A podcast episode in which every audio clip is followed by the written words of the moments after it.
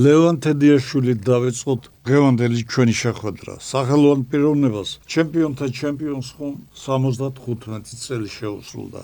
რამდენჯერმე ამაოდრომ ვცადე იუბილართან ტელეფონი დაკავშირება მის ვაშ მიულოცე საამაყო მამის დაბადების დღე და 1971 წლის ხალხთა სპარტაკიადაზე მოსკოვში საკოლნიკებში ძმების ნამენსკების სახელობის სპორტულ არენაზე იმ წლების ფავორიტის იური შახმურადოვის დამარცხებით განუზომელი სიხარული რომ მოგვიტანა მაყურებელთა შორის გვერდი გვერდ მსხდომ გივი კარტოზიას ზარიბეკ ბერიაშვილსა და მე იმ წუთების განცდები გავიხსენე, რადგან სამაღოდ მაქვს ლევან თედიაშვილის დიდი და სახელოვანი სპორტული კარიერის ერთ-ერთი პირველი მიღწევის ხილველი რომ გავხდი. მიერ შეუდგები ჩვენი იუბილარის მიღწევების ჩამოთვლას.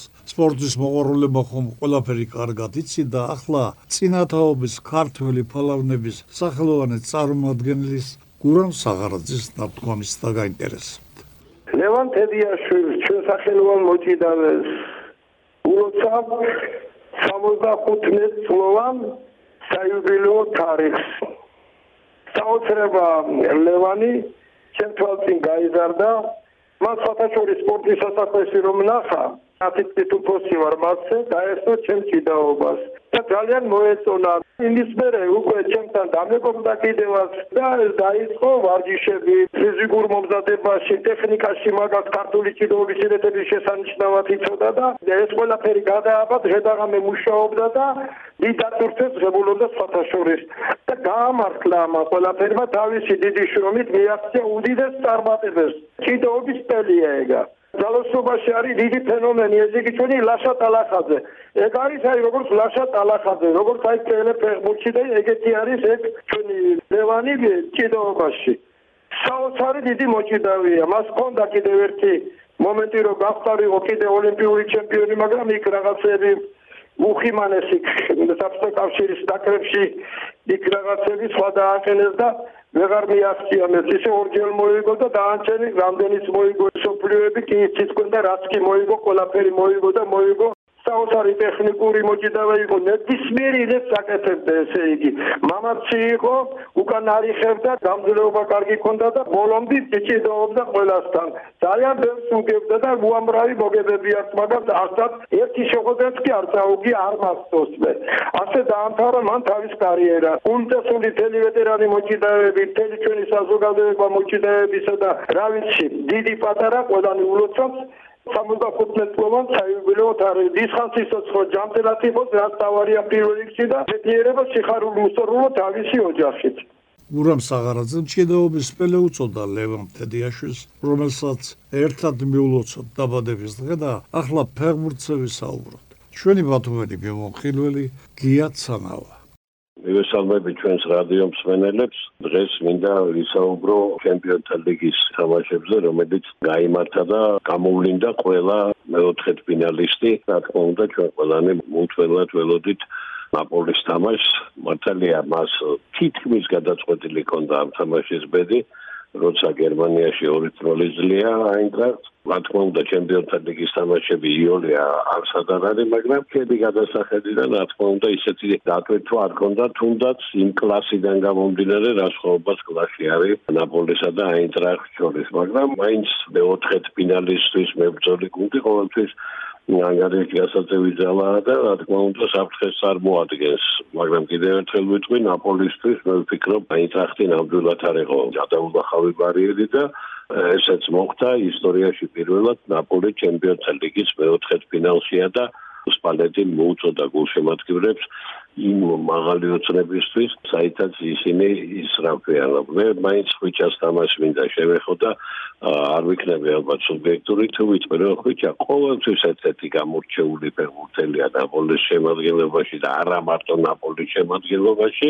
იგი საოცრად მაღალი ოსტატია და ის კომენტარები, რასაც მასზე ლეგენდარული ფეხბურთელები აკეთებენ კიდევ ერთხელ მიგვანიშნებს რომ მას დიდი მომავალი აქვს და ყველა ამას უძინას არ მეტყველებს. რა თქმა უნდა აინტრახტთან თამაში წარეკო გამონაკლისი მართალია მან გოლის გატანა ვერ მოახერხა მაგრამ გოლები რომელიც გავიდა აქტიურად მიიღო მონაწილეობა და თავისი წვლილი შეიტანა. თუნდაც იმ შეცვლის მერე როგორ თბილად დახვდა მას პალეტი როგორ გადაეხვა და გადაკოჩნა ეს რა თქმა უნდა ჩვენ ქართველებს ქართულ გულშემატკივრებს ძალიან გვახარებს და ვაღელვებს კიდევ. ნახოთ, წილის ცხრა იქნება, ვის შეხვდება და ვინ შეხვდება ნაპოლის, მაგრამ ასევე წავიკითხე ოსიმენის კომენტარი, რომელმაც განაცხადა, რომ ჩვენ ყველაფრისთვის და ყველასთან სათამაშოდ სად ვართ. მე ვფიქრობ, რომ ზუსტად ის მეოთხე ფინალის საგრურის მებრძოლი გუნდები, ვინც რა თქმა უნდა იმსახურებდა ამას და ასევე საგულისხმოა, რომ სამი იტალიური გუნდი ითამაშებს მეოთხე ფინალურ შეხვედრებში მილანი, ინტერი და ნაპოლი. კიდევ ერთხელ გვახარებს, რომ აი ესეთ შემოადგენლობაში და ესეთ დიდ კლუბებთან ბრძოლაში ხვიჩა ერთ-ერთი გამორჩეული და შეიძლება ითქვას მე თითქმის დარწმუნებული ვარ ასე მინდა ყოველ შემთხვევაში რომ ხვიჩა სერია საუკეთესო ფეხბურთელის პრიზსაც მიიღებს. მე ასე მგონი. ნახოთ რა მოხდება.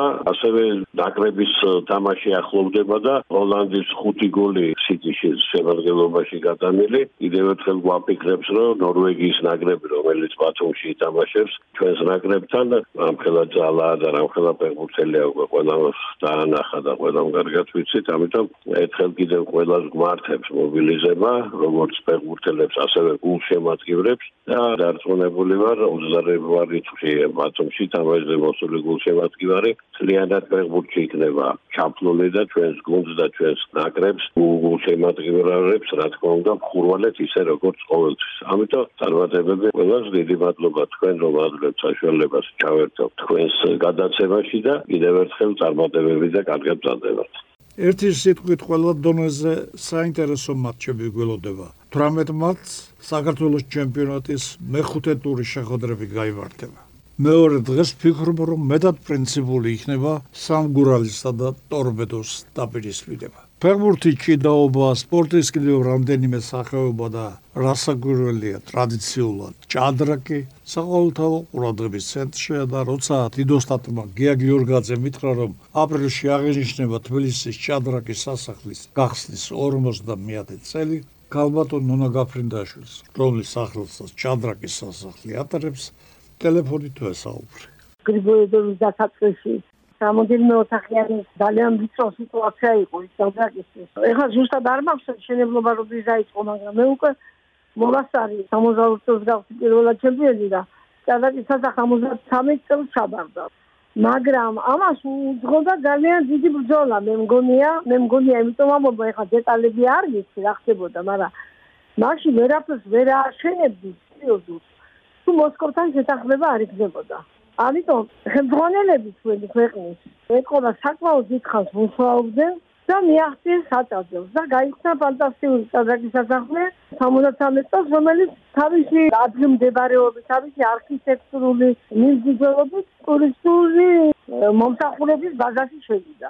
ჭარაგის სასახლე მართლა ფანტასტიკურია შესანიშნავი დარბაზი სცენით ძალიან ბევრი ტურნირი ჩატარდა გარდა ამისა ოთახები სადაც მიდის შეჯიბრებები მართალია უკვე როდესაც ჩვენ სერიოზულ ორბიტაზე ვიყავით გასული და მატჩები ტარდებოდა მსოფლიო ჩემპიონატის მატჩები თბილისში ჭადაკის სასახლე მერაყვაყოფილებდა ყველა მსურველს იმიტომ რომ თვითონ რუსაველის თეატრში საკონცერტო დარბაზში ხანდახან რო ტარდებოდა ეს ტურნირები მაინც ისინი მერაყვაყოფილებდნენ და გარეთ ხდებოდა დიდ დაფებზე ჩვენება პარტიების ცდილობის მიმდინარეობის. ასე რომ იმედა დიდი ინტერესი იყო ჭადრაკში, რომ სახეობები, რომლებსაც წარმატებები მოქონდა ხალხისთვის, ეს ძალიან ბევრს ნიშნავდა, იმიტომ რომ დღეს ყველაფერი აქვს ახალგაზრდებს. მაშინ არაფერი არ იყო, აი ტექნიკას უაღრებდა რაღაცას. ხალხი მოლოდინში იყო, როდის ამათი სახეობის წარმომადგენელი რაღაც წარმატებას მიაღწევდა.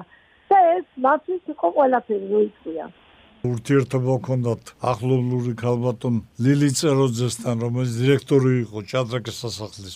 ყველასთან მეგობრობდა, ყველასთან კარგი ურთიერთობა ჰქონდა, ის იყო კარგი დირექტორი ნამდვილად და კარგი მოღვაწე მოიწვია, იმიტომ რომ არ არსებობდა თუ პრინციპი რაღაცა რომელიმე მონჭადაკეთა რაღაცა პრობლემები იყო რაღაცა პირდაპირ მას ხობდნენ რომ მოეძებდა მისასვლელი გზები ასე რომ ის იყო ფანტასტიკური პიროვნება და ძალიან დიდი კვალი დაწოვა საერთოდ თავის მოღვაწეობის დროს ჭაზაკის სასახლეს დიდი წვლილი მიუძღვის თვითონ პროპაგანდაში იმიტომ რომ იქ ტარდებოდა ძალიან ბევრი ღონისძიება მაგრამ რაც შეეხება მოჭადაკების აღზას ეს ჭაზაკის სასახლეზე არ იყო მართ დამოკიდებული იმიტომ რომ ძალიან კარგი შემსება მოდიოდა ყოველთვის ქუთაისიდან ბათუმიდან კახეთიდან რომელიც დღემდე გრძელდება, იცი? დასასახლე მაშინდელი ძალიან კარგად მუშაობდა. ბევრი მოჭადაკე, რომელიც უკვე ფაქტიურად ხეხადმული ნორმალური მოჭადაკე, ძირითადად ხდებოდნენ ჭადაკის დასახლეში მე უკვე ჩამოყალიბდა უფრო წლები და აკადემიაც არის, ასევე უკვე რამოდენიმე მოჭადაკემ გახსნა თავისი სკოლა, ზოგმა აკადემია უნდა და ზოგმა სკოლა. პრიორიტეტად განაგრძობს მუშაობას და ის ჩამოთვლილი რეგიონები მე რო ვთქვი, ასევე აგრძელებენ მუშაობას. ასე რომ ეს ყველაფერი საერთო წარმატების ფონზე ხდებოდა. ასე თავარი რა იყო, ის ძალიან პოპულარული იყო. ჭადრაკი მე პირდაპირ გეტყვით რომ მაშინ დიდ ორგანიზაციებში შეშენების დროს ჭადრაკ თამაშობდა ძალიან ბევრ ადგილას. აი ეს არის ძალიან მნიშვნელოვანი. სპორტით თქვენ რა შეუძლია გააკეთოს. ეს ძალიან დიდი мотиваციაა ყველასთვის, იმიტომ რომ ჟღერს სპორტული წარმატებები ძალიან, იმიტომ რომ ეს არ შედა საქართველოსი, ეს საქართველოს გარეთ გადის. არიან სხვადასხვა სკოლებში საინტერესო ბავშვები, მაგრამ თავარია როგორ გამიტარდებიან. ნიჭს განვითარება უნდა თუ ნიჭსაც, იმიტომ რომ მარტო ნიჭი ჩვენს ვერ გახავს. სხვათა შორის ამ ხრივ და ამ ბოლო დროს ძალიან გამოჩნდნენ აზიის და მოწერაკეები. ახალგაზრდები როგორც ბიჭები ისე მოგოები. მე იმედი მაქვს რომ ეს ტრადიციები რა საქართველოსი იყო გაგრძელდება და გამოჩნდებიან ისეთი ახალი სახეები რომლებიც ნაკრებში დაიკვირდნენ ადგილს ყველა რეგიონში გახსნილია საჭარაკო კლუბი ეხლა სხვადასხვა პირველ კლასებში რომ შემოიღეს სწავლება ჭადრაკის მე მგონია აი ეს შორეულ რეგიონებში ამას მნიშვნელობა ექნება იმიტომ ეს იმიტომ კი არ არის რომ მინდა თუ არა პროფესიონალური ჭადრაკი და არა ეს არის რომ მიაჩვენ ჭადრაკის კუთხი ჯდომას, სიქს, ბავშვები. მაგრამ შეიძლება ბევრი ნიჭი გამოჩნდეს, მე ბევრი დაინტერესება მოხდეს, ვისაც არ ქონდა საშუალება პრესი ჩაწერილიყო, მისულიყო, გაერთია თავისი პოტენციური მდგომარეობა. ამიტომ მე მაინც ძალიან ოპტიმისტურად ვიყურებ ყველაფერს, იმიტომ რომ ეს ისეთი ტრადიციაა დამყარებული, რომ შეიძლება დაიტარგოს და ადრე თუ გვიან ჩვენ უნდა მივიღოთ ძალიან ნიჭიერი სახეები. თქვენ უახლოეს პირად გეგმებზე რას მეტყვით? ეხლა რეაბილიტაციას გავდივარ გაკეთება მონიწია ოპერაციის და მაისში არის ვეტერანთა ტურნირი ევროპის პირველობა და მან ვაპირებ თამაში. გამოჯანმრთელებას მალე წარმატებით გამოსვლას მაისის ტურნირში გისურვებთ. კარგად ზანდებოდეთ. მადლობთ, მადლობთ.